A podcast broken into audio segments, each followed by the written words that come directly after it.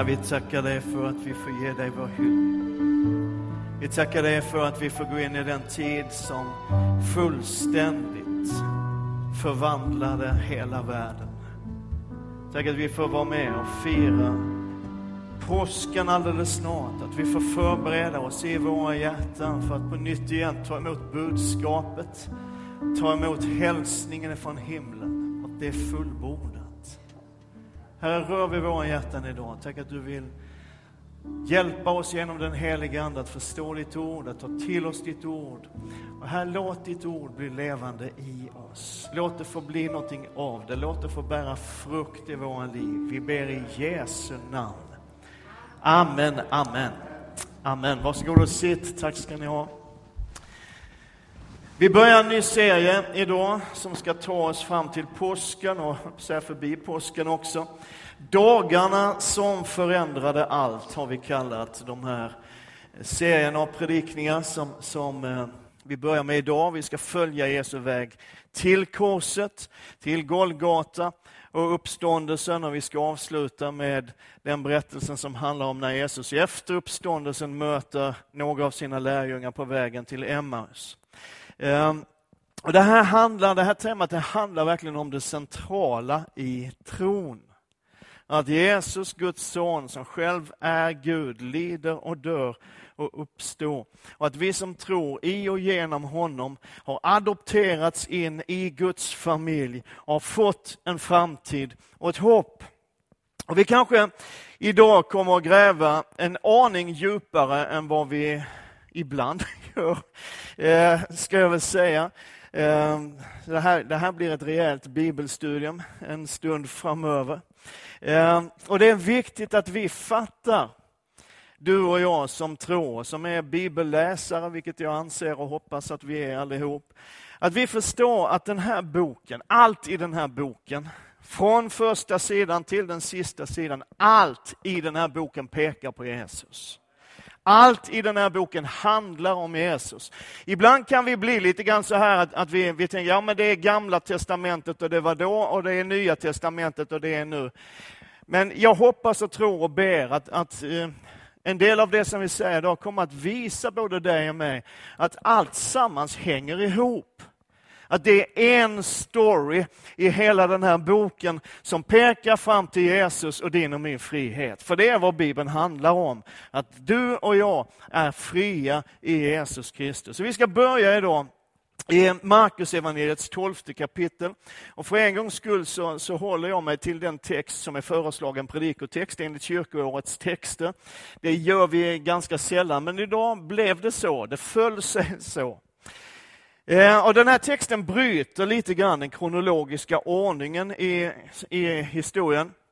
Eh, för i dagens text så har Jesus redan ridit in i Jerusalem. Han har tagit emot folkets hyllning, det som vi sjöng alldeles nyss, när folket ropar och sjunger och jublar och, och säger Hosianna. Eh, men det här som vi läser nu, det händer lite grann efter det. Sen så återvänder vi till palmsöndagen när det är palmsöndag, vilket är nästa söndag. För Peter tar hand om palmerna, så tar jag hand om åsnorna, höll på att säga. Det står så här, Markus kapitel 12, vers 1. Sedan började Jesus tala till dem i liknelse. En man planterade en vingård. Han satte stängsel runt den, högg ut en vinpress och byggde ett vakttorn. Sen arrenderade han ut den till vinodlare och reste bort. När tiden var inne sände han en tjänare till vinodlarna för att få sin del av vingårdens frukt. Men de tog fast honom, slog honom och skickade iväg honom tomhänt. Då sände han en annan tjänare till dem. Honom slog de i huvudet och förnedrade. Sen sände han ännu en och honom dödade dem och han sände också många andra. Några slog dem, andra dödade dem. Nu hade han en enda kvar, sin älskade son. Till sist sände han honom till dem och tänkte, de kommer väl ha respekt för min son. Men vinodlarna sa till varandra, här är arvtagaren, kom, vi dödar honom så blir arvet vårt. Och de tog fast honom, dödade honom och kastade ut honom ur vingården. Amen. Men Jesus talade mycket i liknelse. Det var en judisk tradition bland rabbiner och lärare. Och det finns ju någonting i det att om du vill få människor att minnas din poäng så berätta en story. Det ligger väldigt mycket i det. I kapitlen innan här så har Jesus varit ganska och väldigt ibland tydlig och rakt på sak. Han har rensat templet, det var väldigt rakt på sak. Eh, han har undervisat om vem han är. Och den här liknelsen har en betydelse som går djupare än en vanlig sedelärande story. De Jesus talade till det var översteprästerna, de skriftlärda och de äldste. Det står i, i, slutet av det elfte kapitlet alldeles innan den här texten att de kom till honom eh, och så började han tala till dem. Så han talade till människor som kunde skrifterna. Han talade till människor som visste vad profeterna hade sagt. Och den här berättelsen som Jesus framställer om eh, vingårdens ägare som ger ut sin vingård till andra och som, som förväntar sig någonting ifrån sin vingård. Den är tydligt, tydligt baserad på en gammaltestamentlig text, eller faktiskt ett par textsammanhang som vi ska komma till. Och det är ingen tvekan om att de som han talade till, översteprästerna, de skriftlärde och de äldste, att de fattade vad som var poängen i det Jesus sa. Det gjorde de. Så här står det i Jesaja, för det är den texten som, som Jesus knyter an till i det femte kapitlet. Nu vill jag sjunga om min älskade, min älskade sång om hans vingård. Min älskade hade en vingård på en bördig bergskulle. Han grävde upp den och rensade den från stenar och planterade där ädla vinstockar. Han byggde ett vakttorn mitt i den och högg ut ett presskar. Sen väntade han att den skulle bära äkta druvor men den bar vilddruvor. Faktiskt betyder det hebreiska uttrycket som finns i den här texten betyder stinkande frukt.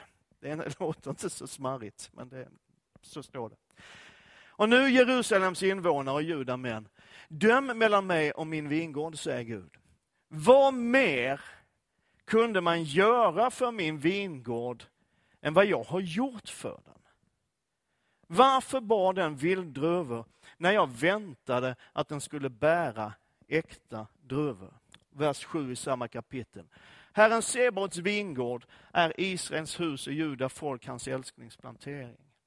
Han väntade laglydnad, goda druvor, men fann blodiga lagbrott. Han väntade rättfärdighet, men fann skriande orättfärdighet. Det gick inte som det var tänkt med vingården. I den här liknelsen som Jesus berättar, och precis som i texten från, från Jesaja, så är Gud är själv ägaren till vingården. Och vingården är hans folk, Israel, och i överförd bemärkelse allt Guds folk. Och förstås också en bild på hela skapelsen. Och vingården lämnas i människornas vård.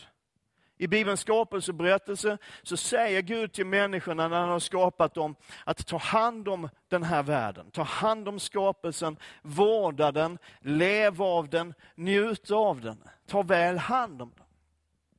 Men de som får ta hand om vingården vänder ryggen åt ägaren, struntar i honom. De till och med slår ihjäl de sändebud som ägaren skickar till dem. Och här kommer det andra textsammanhanget som Jesus refererar till in i de detaljerna. I Jeremias sjunde kapitel. Det bud jag gav dem var detta, lyssna till min röst, så ska jag vara er Gud. Och ni ska vara mitt folk. Vandra helt på den väg jag befaller er, så ska det gå väl för er. Men de ville inte höra eller lyssna till mig, utan de följde sina egna tankar och sitt onda, hårda hjärta de vände ryggen till mig, inte ansiktet. Från den dag era fäder drog ut ur Egyptens land ända tills idag har jag sänt alla mina tjänare, profeterna, till er. Gång på gång har jag sänt dem. Men de ville inte höra eller lyssna till mig. De var upproriska och gjorde ännu mer ont än sina fäder. Så till sist sänder vingårdens ägare sin egen son, sin älskade son som det står. och också den enda sonen blir dödad. Vet, Jesus visste. Han förutsäger sin egen död i den här liknelsen. Det är han som är sonen som har kommit för att ställa allt till rätta och få ordning på vingården. Men mänskligheten ville inte veta av honom. Johannes skriver, han kom till det som var hans eget och hans egna tog inte emot honom. Jesus visste vad som väntade. Han gick frivilligt in i det som väntade. Gång på gång så talade han med sina lärjungar och sa att Människosonen kommer att lida och dö. Men de fattade inte, ville inte förstå vad han sa. Och Det där är lite svårt ibland. Jag vet inte hur många gånger jag har fått frågan av människor i olika sammanhang, men varför måste Jesus dö? Varför skulle han som bara gjorde gott behöva dö? Han som var Messias, den levande Gudens son, själv Gud. Varför skulle han dö? Och Bibeln använder flera olika uttryck och sammanhang för att förklara det för oss. Bibeln talar om att rädda eller frälsa. Det är ett sånt gammalt härligt ord som vi behöver återerövra i församlingarna. Eh, Zlatan är ingen frälsare, det är bara Jesus som är frälsare. Du vet, ordet frälsa, det här har du hört förut. Jag har sagt det och Peter har sagt det i olika sammanhang. Ordet frälsa, det svenska ordet frälse, kommer av ett gammalt svenskt ord som är frihalsad som handlar om att en slav hade en järnring runt halsen för att man skulle kunna kedja fast slaven eh, och leda honom dit man vill som ett koppel med en kedja. Men om slaven köptes fri, eller på något annat sätt blev en fri människa, så togs det här halsjärnet bort. Då var man frihalsad, halsen var fri. Och det är det som betyder frälst. Det uttrycket finns och används väldigt mycket i vår bibel. Bibeln talar om försoning. Att Gud har försonat oss med sig själv genom Jesus Kristus. En försoning kommer ju till när det finns en konflikt eller en ovänskap. Bibeln använder ibland det uttrycket, ovänskap eller fiendskap. Och i en sån konflikt som ska leda till försoning eh, så krävs ibland någon som medlar. Och Bibeln talar om Jesus som en medlare mellan Gud och människa där konflikten finns. Bibeln talar också juridiskt om dom och straff. Människans synd beskrivs som ett brott mot Guds lag, ett brott som straffas med döden. Syndens lön är döden, säger Romarbrevet 3.23. Och i det här fallet så träder någon annan in, Jesus Kristus, det vill säga Gud själv, och tar straffet för de som är skyldiga istället för att de skyldiga tar det. Dom och straff. Och så finns uttrycket som Eilert använde i början här, att friköpa. Som hör ihop med frihalsad och frälst.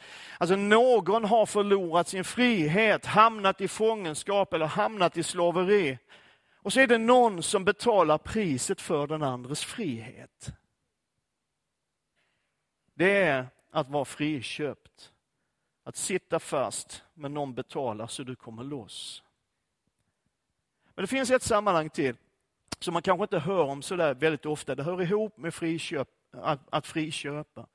Ett sammanhang som för mig har blivit starkare och starkare och tydligare och tydligare för mig. Det är ju det här det handlar om och som väldigt tydligt visar också hur hela Bibeln hänger ihop. Hur hela Bibeln pekar från Gamla Testamentet och ända fram till sista boken. Hur allt pekar på Jesus Kristus.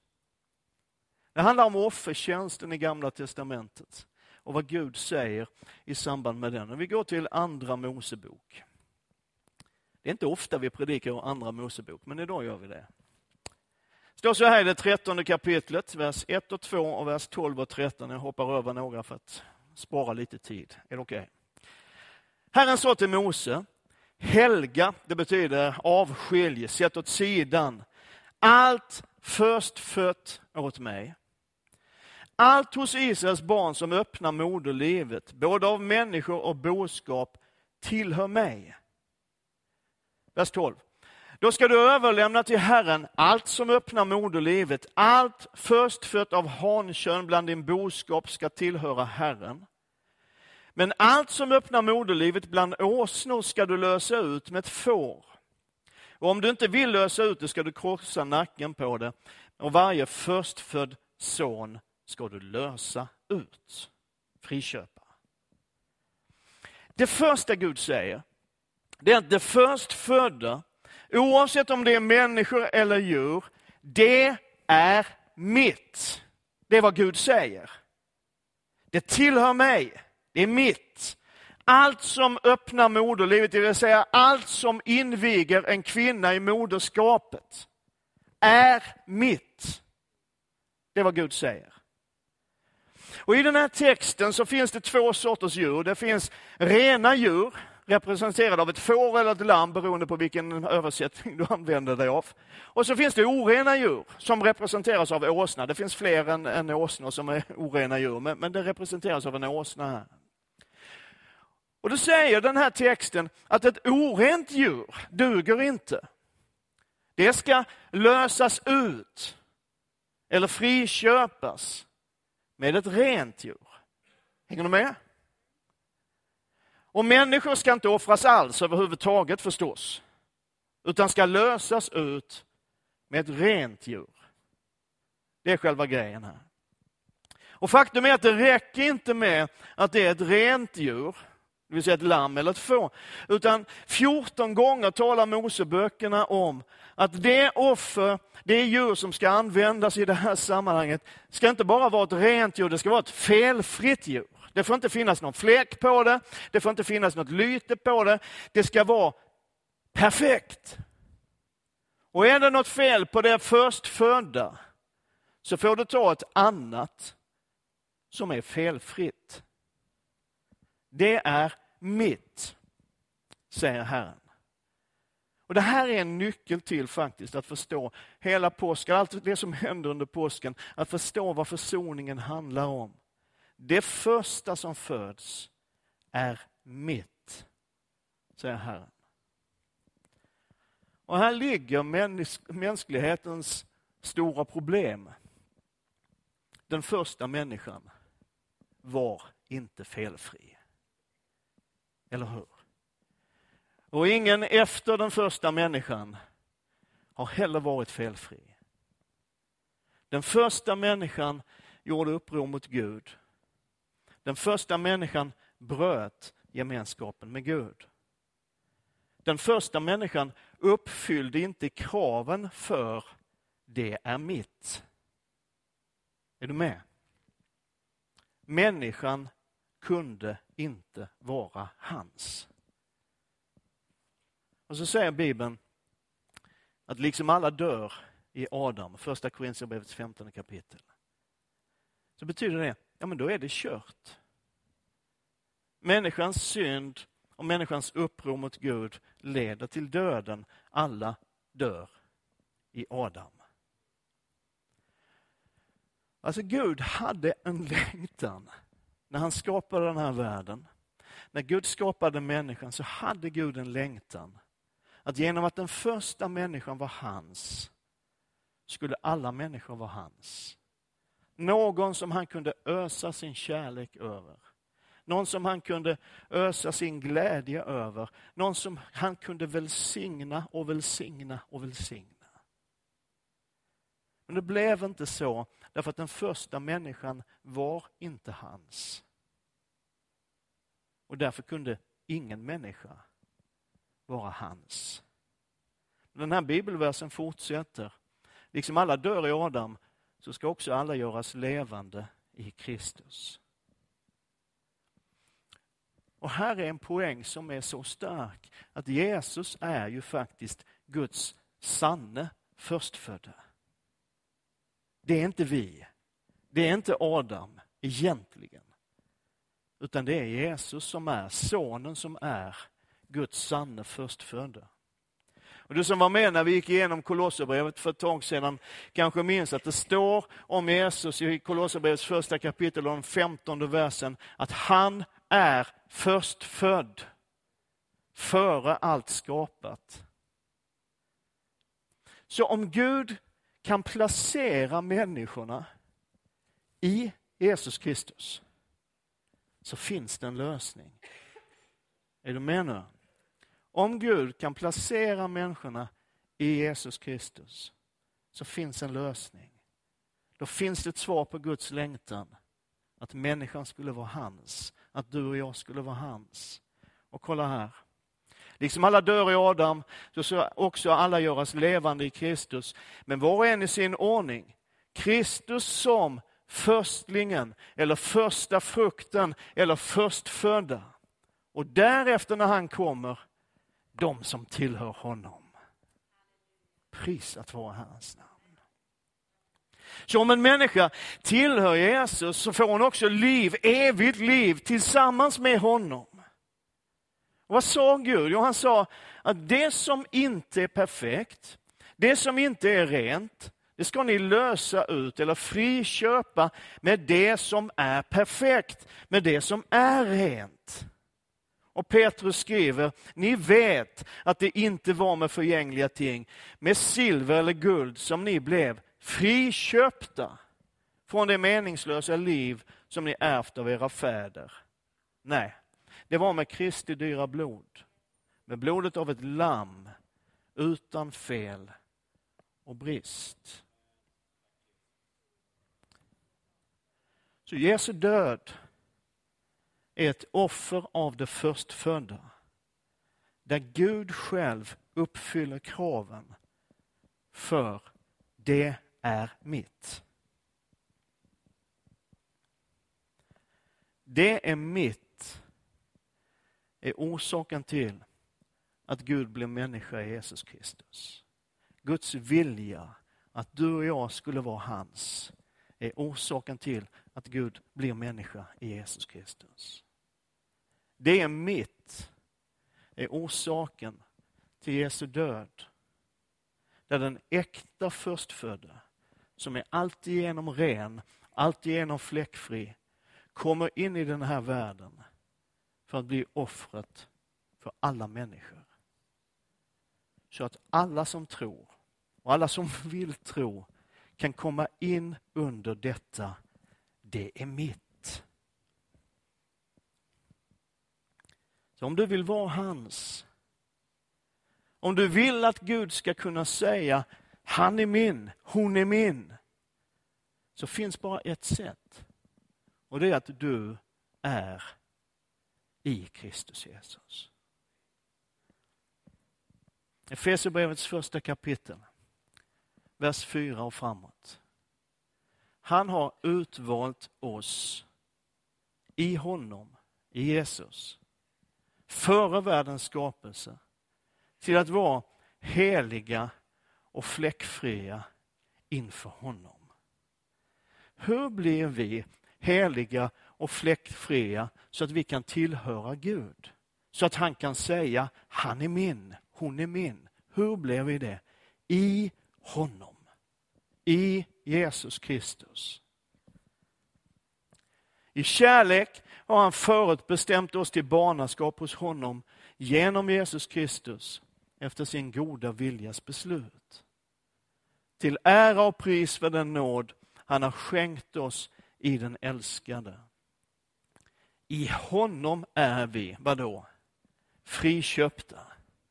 Genom hans blod och har förlåtelse för våra synder tack vare den rika nåd som han lät flöda över oss med all vishet och insikt.